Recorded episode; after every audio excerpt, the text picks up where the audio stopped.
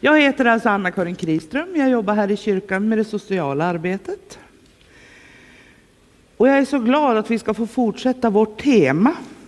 Vi har ju läst Johannes evangeliet eh, kapitel 1 och verserna 1 till 18 har vi jobbat med i december. Och rubriken för hela det stycket är ju ordet blev kött. Och allt det här, det handlar ju om Jesus. Om Jesus, vad han har gjort för oss, vem han är och skälet till att vi faktiskt firar jul.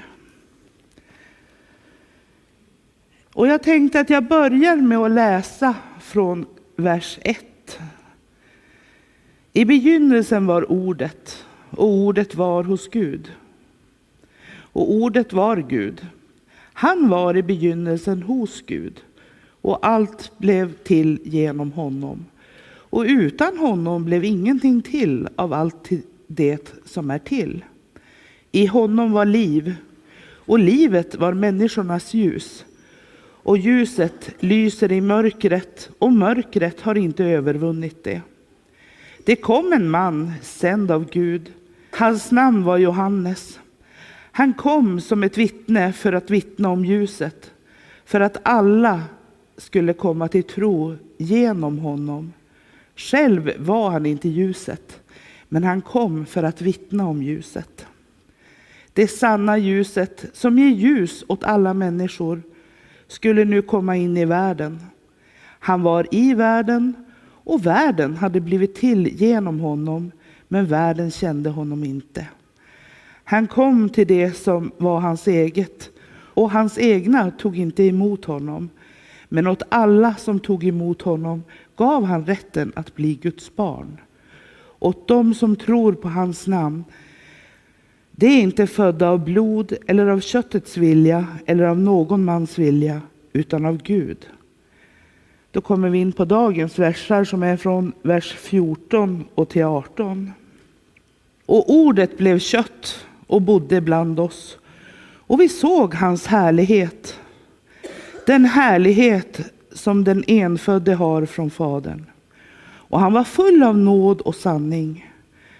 Johannes vittnar om honom och ropar, det var om honom jag sa, han som kommer efter mig är före mig, för han var till före mig. Av hans fullhet har vi alla fått nåd och åter nåd. Lagen gavs genom Mose. Nåden och sanningen kom genom Jesus Kristus. Ingen har någonsin sett Gud, den enfödde, som själv är Gud och i Faderns famn har gjort honom känd. Tänk att vi har en Gud som förstår oss. Som återföddes till jorden som människa för att få genomgå allt som vi går igenom. I Hebreerbrevet 4 och vers 15 så kan vi läsa vi har inte en överste präst som inte kan ha medlidande med våra svagheter utan en som har varit frestad i allt, liksom vi, fast utan synd. Låt oss därför frimodigt gå fram till nådens tron för att få barmhärtighet och finna nåd till hjälp i rätt tid. Tänk så skönt att veta att Jesus, han förstår våra svagheter. Han har gått igenom allt som vi har fått utstå. Gud som blev människa genom Jesus Kristus. Genom att vi tror och bekänner honom så får vi ha gemenskap med Gud och med varandra. Som lemmar i Kristi kropp Jesus han bor i oss som vår frälsare, vår räddare. Han har räddat oss från mörkret. Precis som Birgitta den första advent, på första advent berättade så får vi vara ljus om vi låter honom ta plats i våra liv. Jesus, han får vara ljuset som lyser i mörkret och han får lysa genom oss. Vi har läst om hur Jesus Kristus föds som människa. Han föds som en kvinna, precis som du och jag. Han föds under mycket enkla förhållanden i ett stall. Vi har ju krubban här. Det var enkla förhållanden. Många hade nog förväntat sig att han skulle födas som kung med pompa och ståt. För man hade hört talas om han som skulle komma och vara konungarnas konung. Men han föddes enkelt in i världen. Han har fått växa från en liten, liten bebis som var buren av sin mamma till en man. Och han har fått lära sig saker, han har fått utvecklas. Och det står i Lukas evangeliet 2 och 52. Så Lukas 2 och 52. Och Jesus han växte i visshet, ålder och välbehag inför Gud och människor. Ja, och precis som oss, åtminstone jag, så blev han hungrig och törstig. Han fick äta, han fick dricka. Han var trött. Han behövde sova. Han kände smärta, han fick gråta. Han gladdes, han förundrades. Ibland var han arg på vissa människor. Och han fick känna medlidande för sina medmänniskor som hade det tufft. Han fick känna sig missförstådd, sviken och förrådd. Känslor som åtminstone jag har haft. Har ni haft det? Ja. Så han vet vad vi går igenom. Han bad, han läste skrifterna. Han utstod frestelser.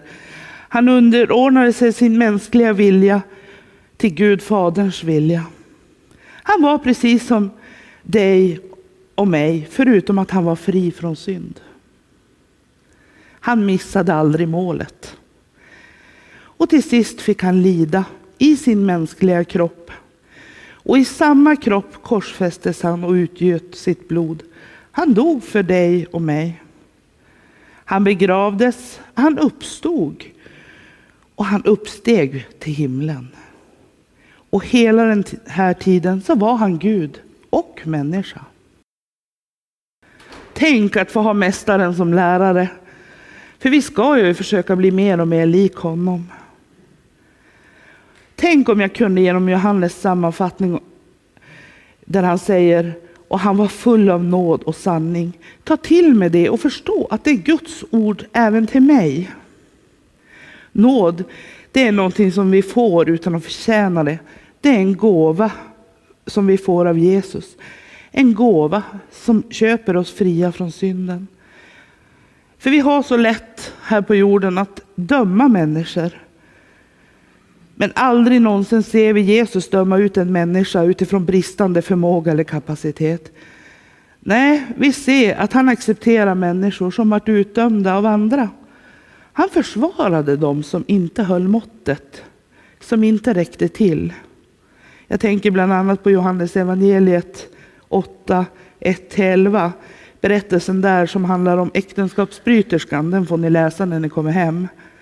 Han dömer henne inte, men han avslutar med att säga gå och synda inte mer. Och så tänker jag att han gör med oss också. Det handlar inte om att upplösa Guds sanningar och ordningar, utan man ska få en ny chans när man har brustit. På samma sätt som Jesus måste Guds församlingar vara full av nåd och sanning. Redo att öppna armarna vitt och brett mot oss alla ofullkomliga människor som lever i visshet om att vi varken räcker till eller vi kan inte kvala in. Utan det är bara av nåd vi får komma. Precis som Daniel pratade om andra advent, att lova, låta våra liv få berätta. Berätta om vem Jesus är och vem, vad han har gjort för oss. Eller som Birgitta berättade om första advent, att vi får vara ljus om vi bara låter honom ta plats i våra liv. Han får vara ljuset som lyser i mörkret och han får lysa genom oss. I Matteus 5, verserna 14 till 16 så står det Ni är världens ljus. En stad som ligger på ett berg kan inte döljas. Och man tänder inte ett ljus och sätter det under skäppan, utan man sätter det på hållaren så det lyser för alla i huset. På samma sätt ska ert ljus lysa för människorna så att ni ser de goda gärningar och prisar er far i himlen. I Moseböckerna i Gamla testamentet, där kan vi läsa om lagen. Jag läste att det finns 613 levnadsregler nedskrivna där. Och det tänkte jag inte gå in på idag för att då får vi en väldigt lång predikan.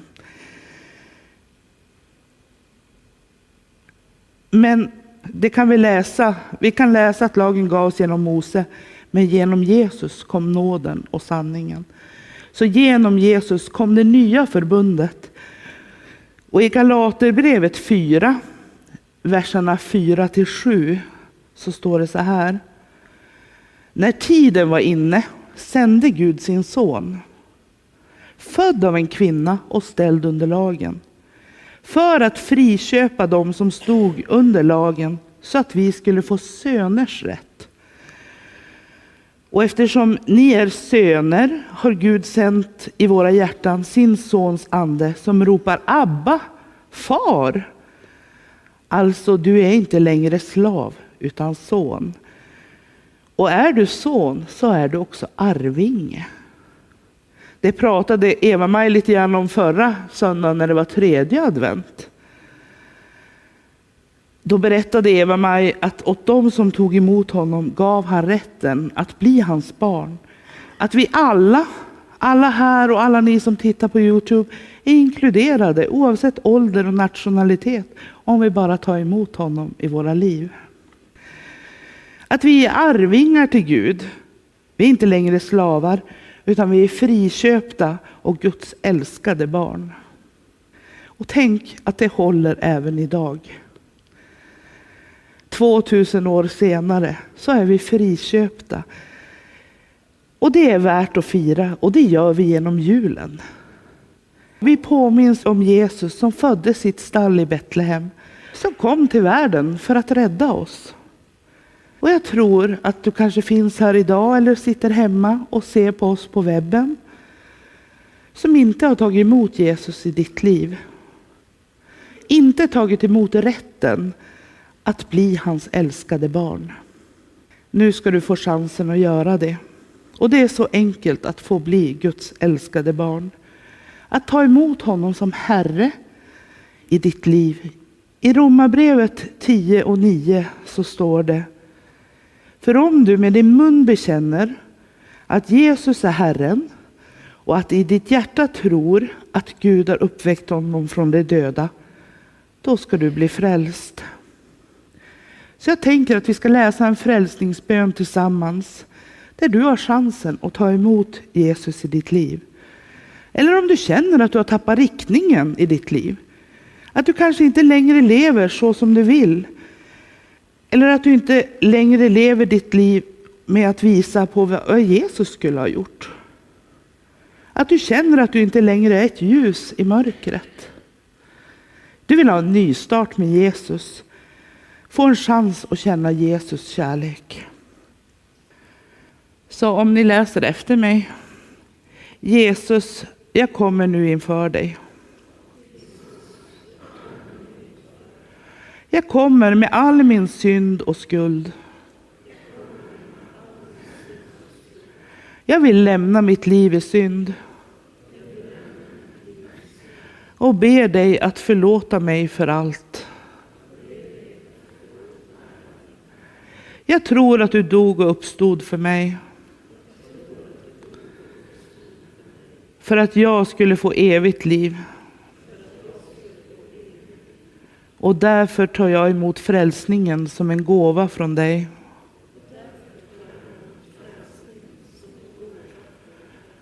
Herre, jag ger dig mitt liv.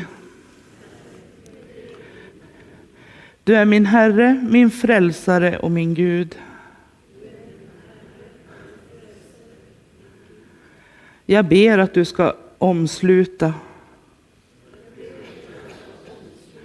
Skydda mig och ge mig din underbara frid.